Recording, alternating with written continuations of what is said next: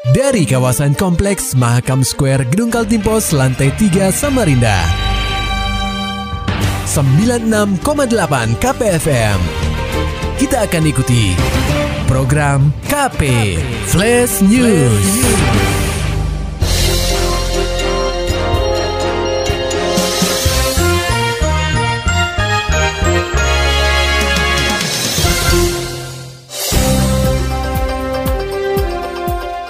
Anda sedang menyimak program KP Flash News bersama saya Agung Pratama.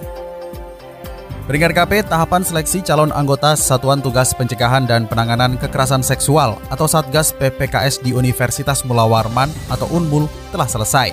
Sebanyak 19 nama telah diserahkan tim panitia seleksi atau pansel Satgas PPKS Unmul kepada Wakil Rektor 3 Bidang Kemahasiswaan dan Alumni, Encik Ahmad Saifuddin, pada Rabu 31 Agustus 2022 lalu.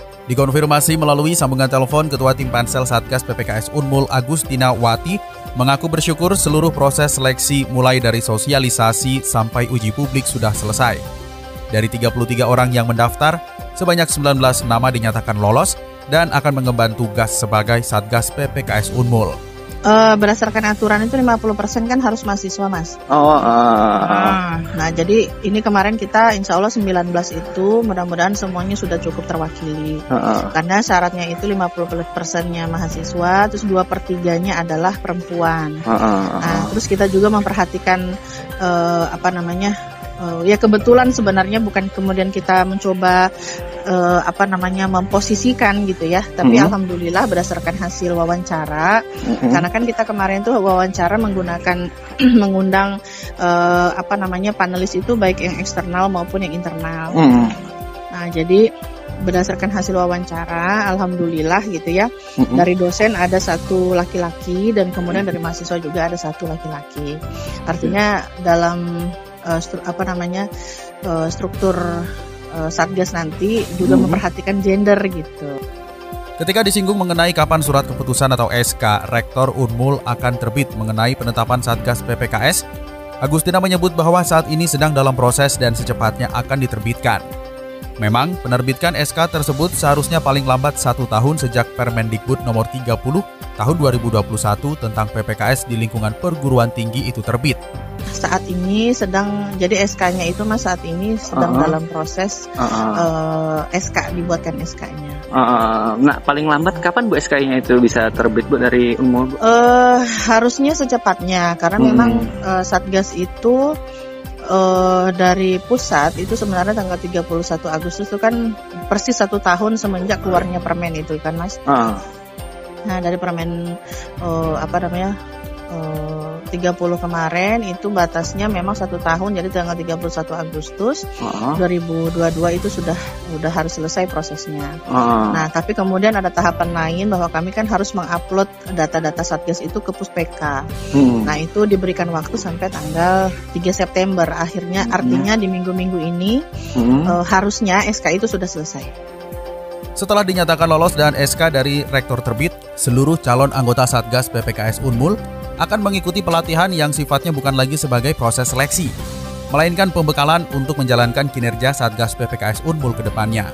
Dengan selesainya seluruh rangkaian seleksi dari tim pansel Satgas PPKS Unmul, Agustina mengatakan secara tidak langsung berdasarkan peraturan tugas pihaknya telah selesai. Tetapi karena ada suatu hal, maka akan ada penambahan tugas dari tim pansel sembari melakukan pengawasan dan evaluasi. Berita selanjutnya pendengar KP Samarinda sahabat dua penghargaan dari Kemendak Andi Harun bangga dan apresiasi kinerja jajarannya. Laporan selengkapnya akan disampaikan oleh reporter KPFM Samarinda, Muhammad Nur Fajar.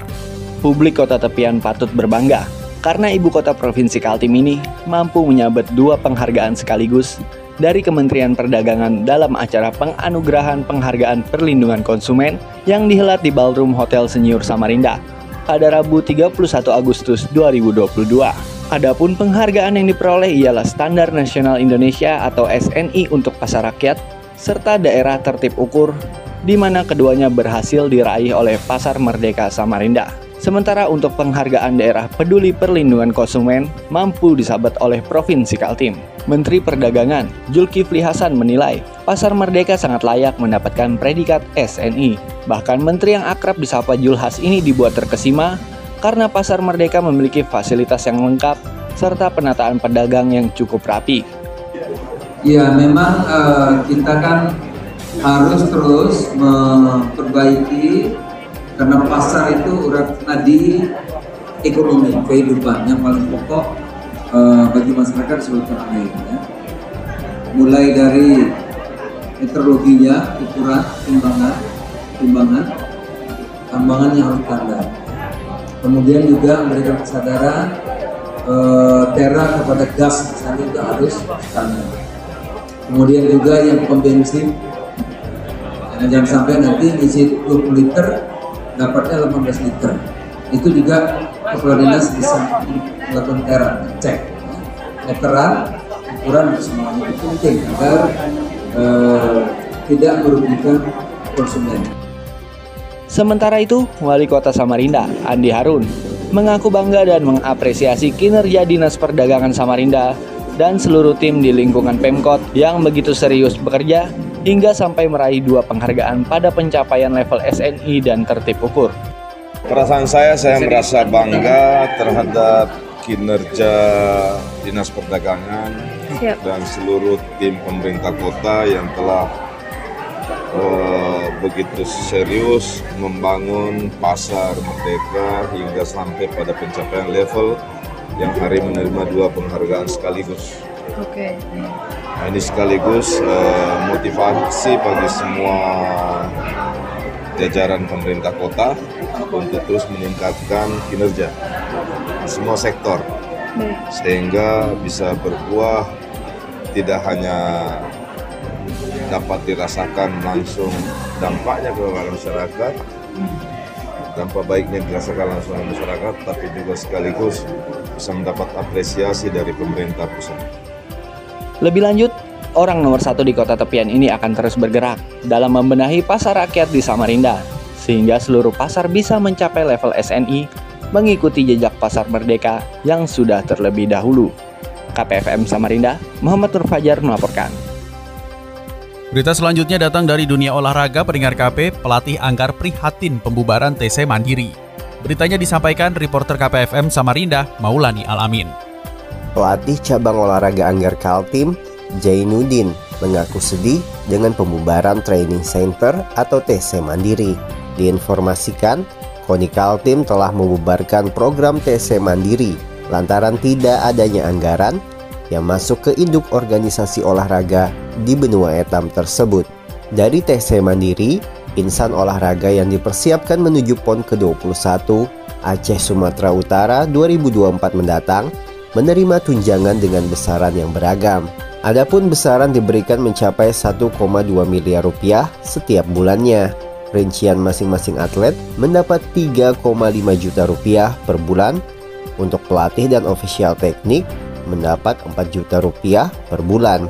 Jainuddin menyebutkan banyak atlet terutama yang sudah berkeluarga bergantung pada dana tunjangan itu.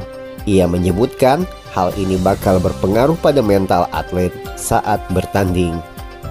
Sebenarnya sih eh, anak-anak mungkin ada yang bisa latihan tapi ada juga yang enggak. Soalnya kan uh, yang awalnya diprioritaskan ya sekarang apa yang diprioritaskan masih mau latihan tapi mereka nggak dapat apa-apa, yang mending mereka kerja lah. Itu pun kalau dapat kerja, sedangkan yang di sini diharapkan satu-satunya Diketahui TC Mandiri bertujuan untuk mempersiapkan para atlet cabang olahraga menuju PON pada 2024 nanti. Mereka yang masuk TC Mandiri adalah atlet berprestasi di PON ke-20 di Papua 2021 lalu. Penerimanya ada insan olahraga dari 30 cabang olahraga peraih medali. Terdiri dari 217 atlet, 79 pelatih, dan 12 ofisial teknik. KPFM Samarinda, Maulani Al-Amin melaporkan. Maulani Al-Amin, Muhammad Nur Fajar, KPFM Samarinda. Serta dapatkan berita-berita selengkapnya di www.968kpfm.co.id. Demikian tadi telah kita simak rangkaian berita-berita yang terangkum dalam program KP Flash News. Persembahan dari 96,8 KPFM. Terima kasih dan sampai jumpa.